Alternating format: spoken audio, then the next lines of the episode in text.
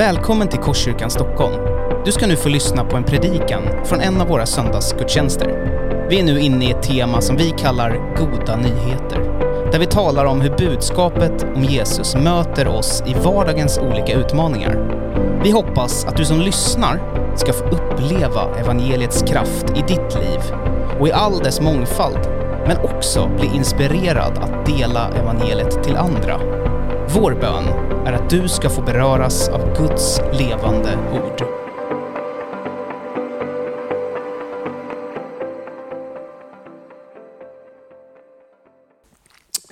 Så utan att vänta mer tänkte jag vi skulle be och se vad Gud vill säga till oss. Himmelske far, vi tackar dig för att du är här. Tackar dig för din närvaro, tackar dig för ditt liv. Tackar dig för att du är en Gud som talar, du är en Gud som verkar, du är en Gud som är aktiv. Och eh, vi vill bara be att du ska komma och göra ditt ord levande för oss, din sanning levande och att du tar det lilla och skapar något stort i oss, Herre. I Jesu namn. Amen. Jo, eh, idag är ju eh, rubriken för predikan När tryggheten svajar. Och eh, det är ett bibelord som vi tänkte börja med. Och det är från eh, Matteusevangeliet 14, 22 till 33, så vi får upp den på skärmen. Där är vi. Jag tänkte vi läser vi tillsammans. Det är ju en, en berättelse som ni alla säkert har läst många gånger. Strax befallde, därefter befallde han lärjungarna att stiga i båten. Nu får vi se om det är samma översättning. Ja, just det. Stiga i båten och fara i förväg över till andra sidan sjön medan han själv sände iväg folket. När han hade skickat iväg dem gick han upp på berget för att få vara, med, vara för sig själv och be. När det blev kväll var han ensam där. Båten var redan långt från land och hårt ansatt av vågorna eftersom de hade motvind. Mot slutet av natten kom Jesus till dem gående på sjön. När lärjungarna fick se honom gå på sjön blev de förskräckta och sa, det är ett spöke. Och de skrek av rädsla. Men genast sa Jesus till dem, var lugna, det är jag, var inte rädda. Petrus svarade, Herre om det är du så befall mig att komma till dig på vattnet. Han sa, kom. Petrus steg ur båten och gick på vattnet fram till Jesus. Men när han såg hur stark vinden var blev han rädd. Han började sjunka och ropade, Herre rädda mig. Genast räckte eh, Jesus ut handen och grep tag i honom och sa, så lite tro du har, varför tvivlade du? De steg i båten och vinden la sig. Och det som var i båten tillbad honom och sa, du är verkligen Guds son. Så motvind. Har livet kommit i motvind? Men det här, eh, vi, vi dror kanske och vi kommer ingenstans.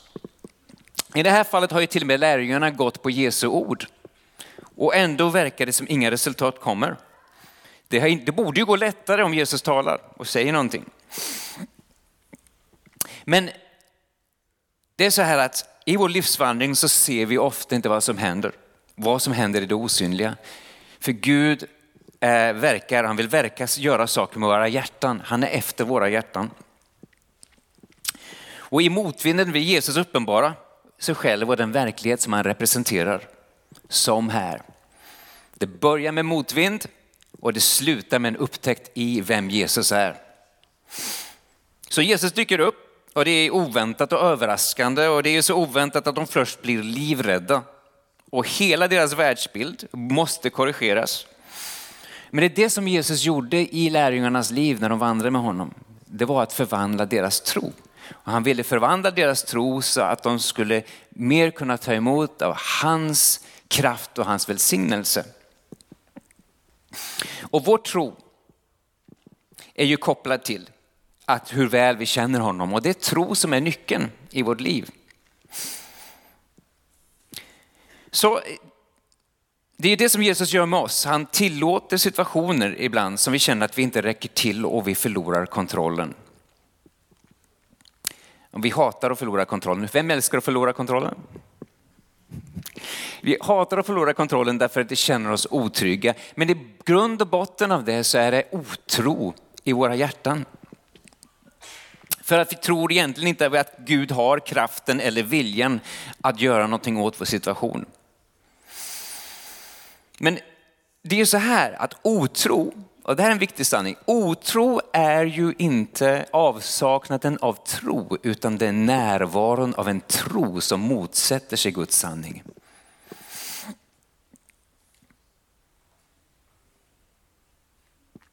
Och här är det då ofta i våra liv att vi bygger alldeles för mycket av vår tro på vår egen mänskliga förmåga. Och Gud vill bryta ner tron på vår egen förmåga, hur hemskt den låter, för att han vill att vår tro ska få byggas på honom. Vi pratar om att Kristus är hörnstenen. Och det är så här att det är med trygghet som vi värderar så högt. Om det inte är byggt på Gud som uppehåller hela universum så är det en falsk trygghet. Så Jesus låter oss gå in i svåra situationer för han vill bryta ner det där och bygga en ny grund där han blir allt som vi förtröstar på. Så det är bara ett sätt att vi kan upptäcka honom på. Det är desperation. Desperation är en bra plats att vara på. För desperation är trons trädgård. Okay, desperation är trons trädgård där alla andra lösningar har försvunnit. Och, och då, om vi ser vidare vad som händer då. Petrus går ut i tro på vad Jesu ord, vad han säger, därför att han vet att det som Jesus säger är sant. Därför att han känner ju Jesus. Och så går han ut och så gör han det omöjliga. Och då är det viktigt att vi förstår att det som hände här faktiskt hände. Alltså fysikens lagar upphörde att verka när Jesu ord blev uttalade. En kraft större än det normala.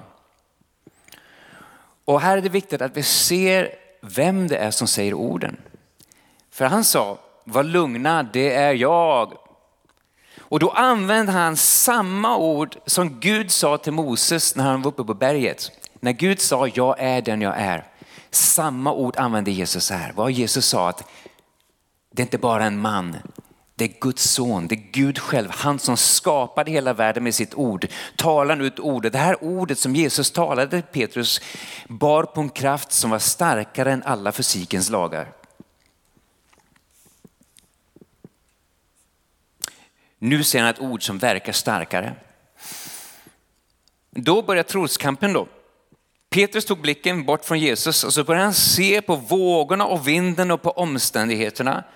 Och som en van fiskare då så, så vet han ju hur fruktansvärd vattnets kraft var. Så han tänker här då. Vatten, vind, storm, sjunka, dö.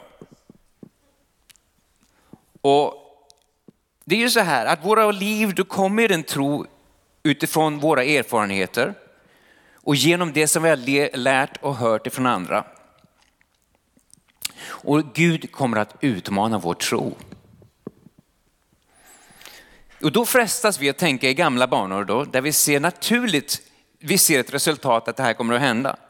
Men han säger till oss, se på mig. Och när vi lär känna honom vet jag att han är trofast. Men i den här tron, det växer ju i oss genom alla de här motvindssituationerna som vi går igenom. Men Gud har kommit för att visa att när han dyker upp så kommer han tillföra en kraft som gör att det som normalt händer inte händer utan hans godhet kommer att göra under i våra liv. Så vi arbetar med folk eh, i den underjordiska församlingen i ett visst område. Eh, och här kan man ju inte fungera öppet som en kristen utan man måste mötas i hemlighet. Men det som är så fantastiskt i det här området är att Gud gör så väldigt mycket. Eh, Gud, eh, alltså, han dyker upp i deras motvind och han visar sin kärlek för dem.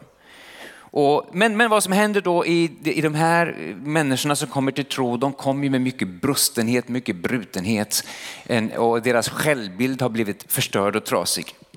Och precis som för oss då, så har de utmaningar i det praktiska.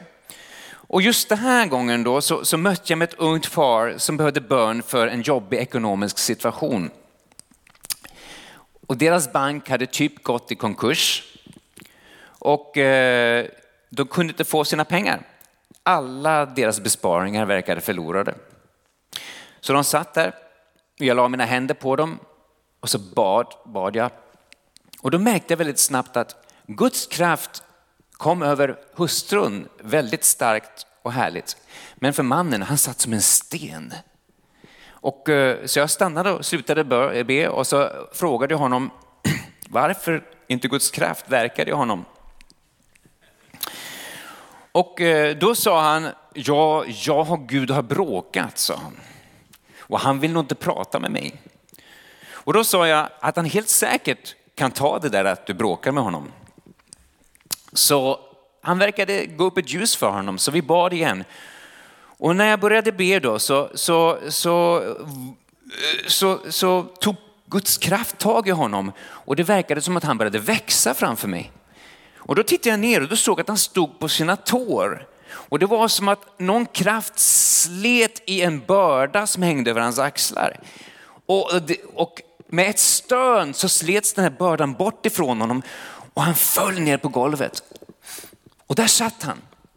Och jag märkte ju att den heliga ande verkade över honom så jag lät honom sitta en stund. Och sen öppnade han ögonen. Han var alldeles tårögd. Och då sa han, Gud visade mig när jag var i min mammas livmoder.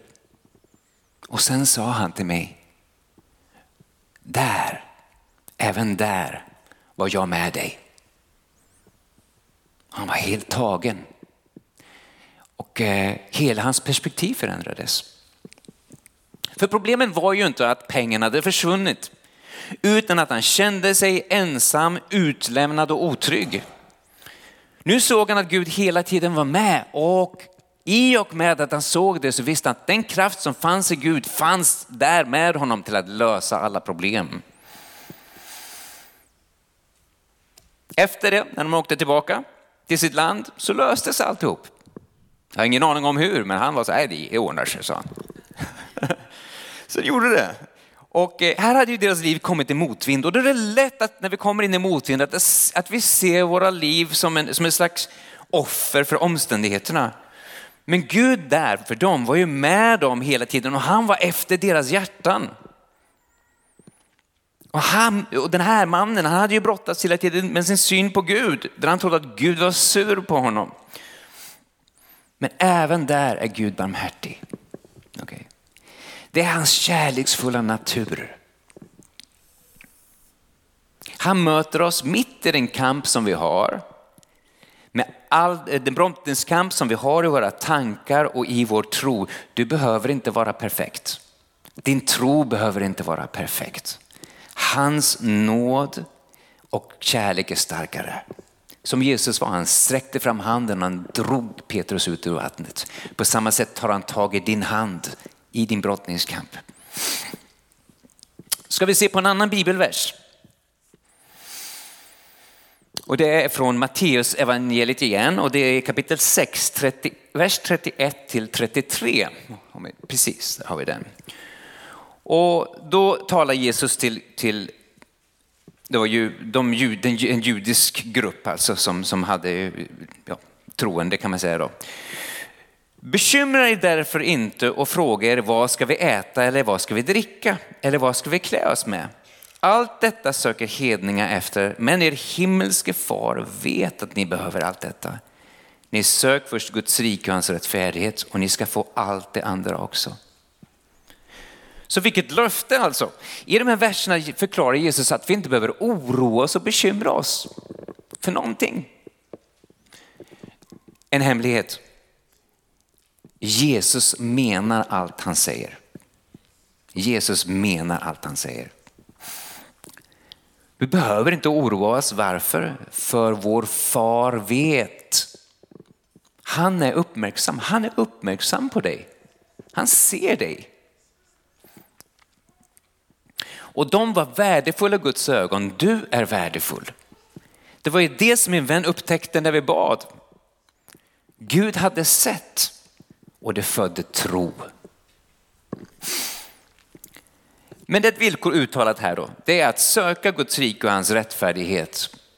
Och vad betyder det? Jo, först och främst är det det här att Jesus kom för att göra Guds rike tillgängligt för oss. Det var de goda nyheterna. Jesus sa Guds rike är här. Och vad innebär det? Det innebär att himlens dimension och kraft nu finns tillgänglig för människan.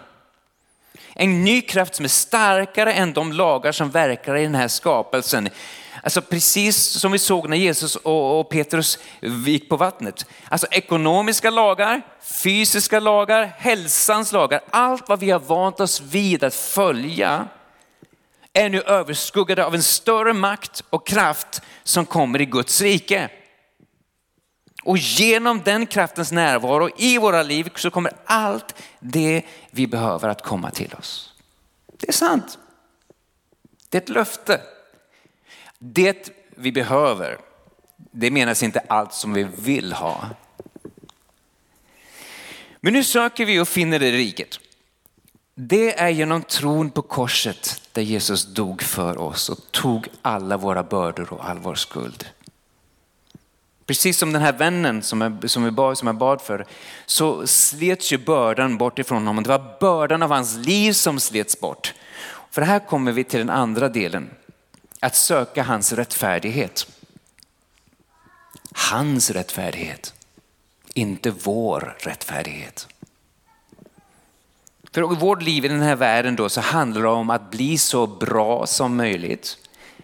Vi formar vår självbild utifrån det som vi har åstadkommit eller inte åstadkommit, våra misslyckanden och våra framgångar.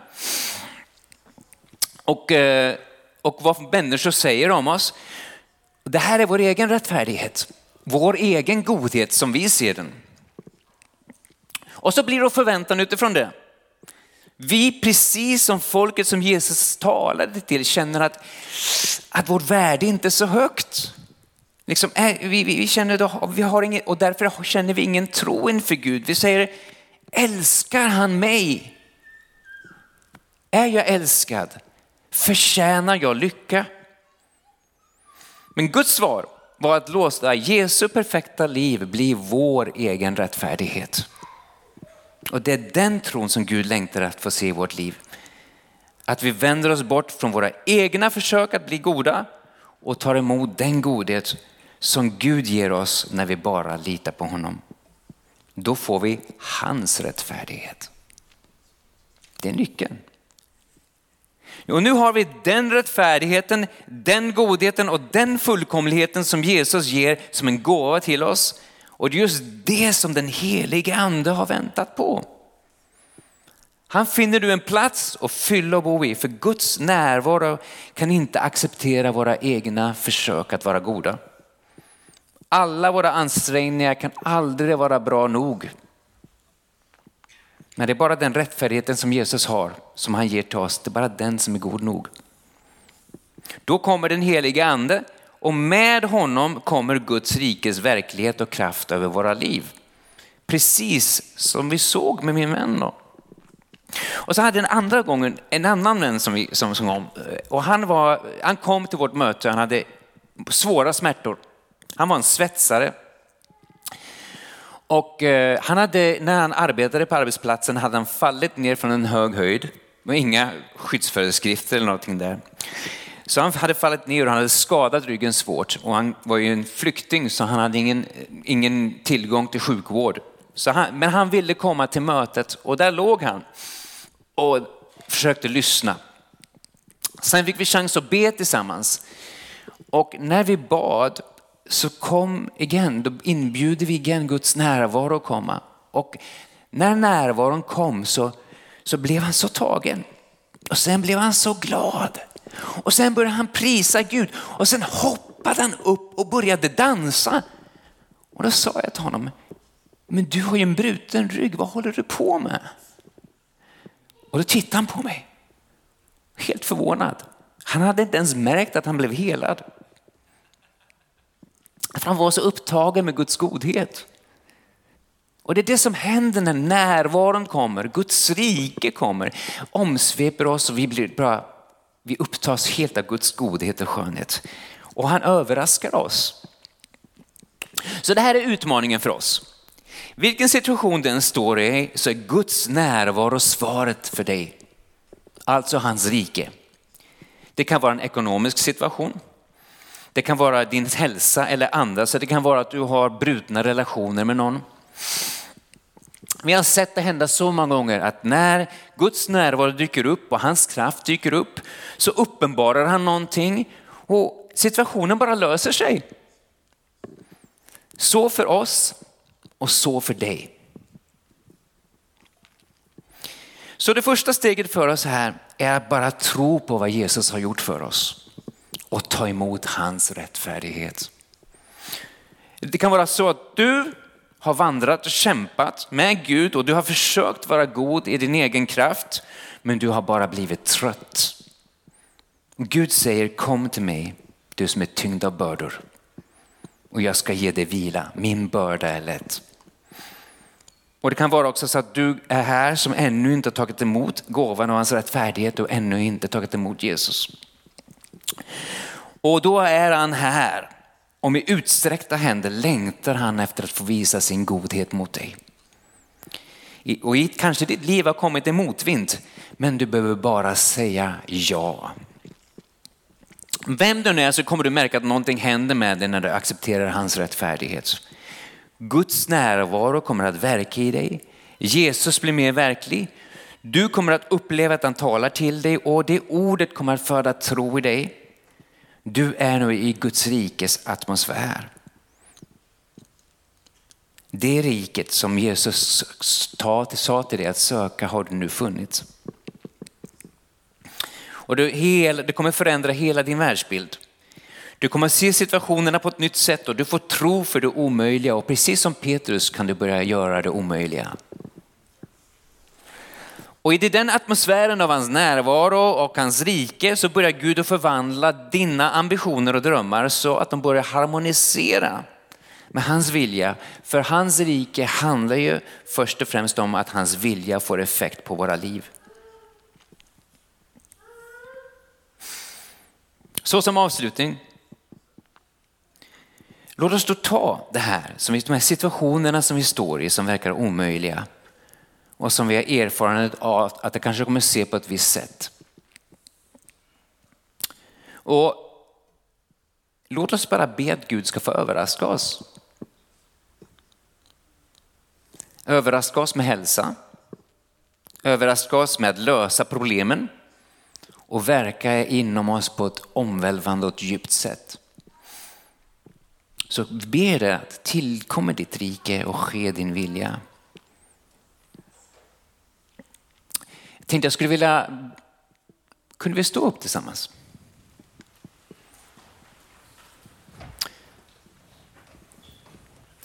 Är det okej okay Så, och, och lovsångsteamet kan ju komma upp också.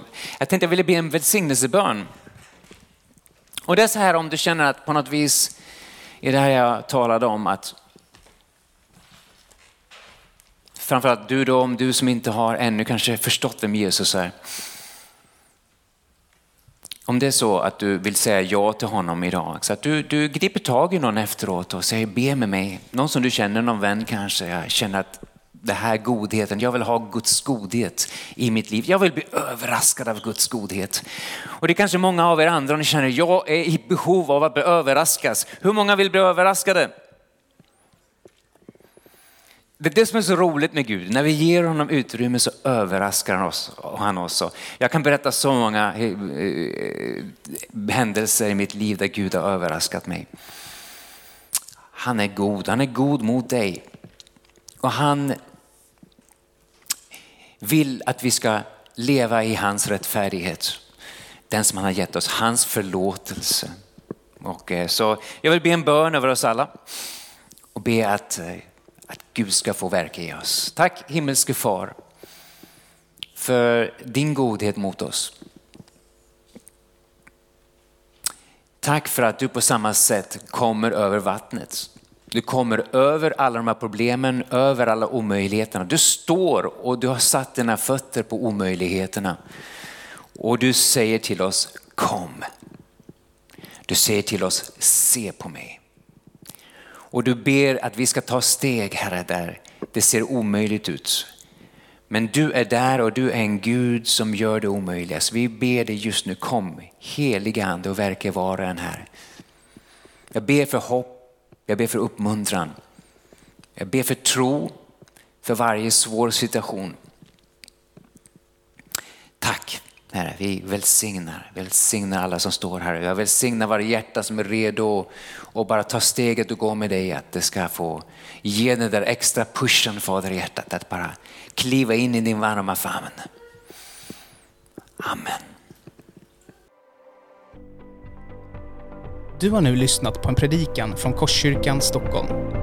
Du är alltid välkommen att besöka våra gudstjänster. De är på söndagar klockan 11.00 på Birger i Stockholm. Om den här predikan har väckt frågor eller om du önskar att få kontakt med oss så hittar du våra uppgifter på korskyrkanstockholm.se. Där kan du också läsa mer om vår verksamhet. Gud välsigne dig.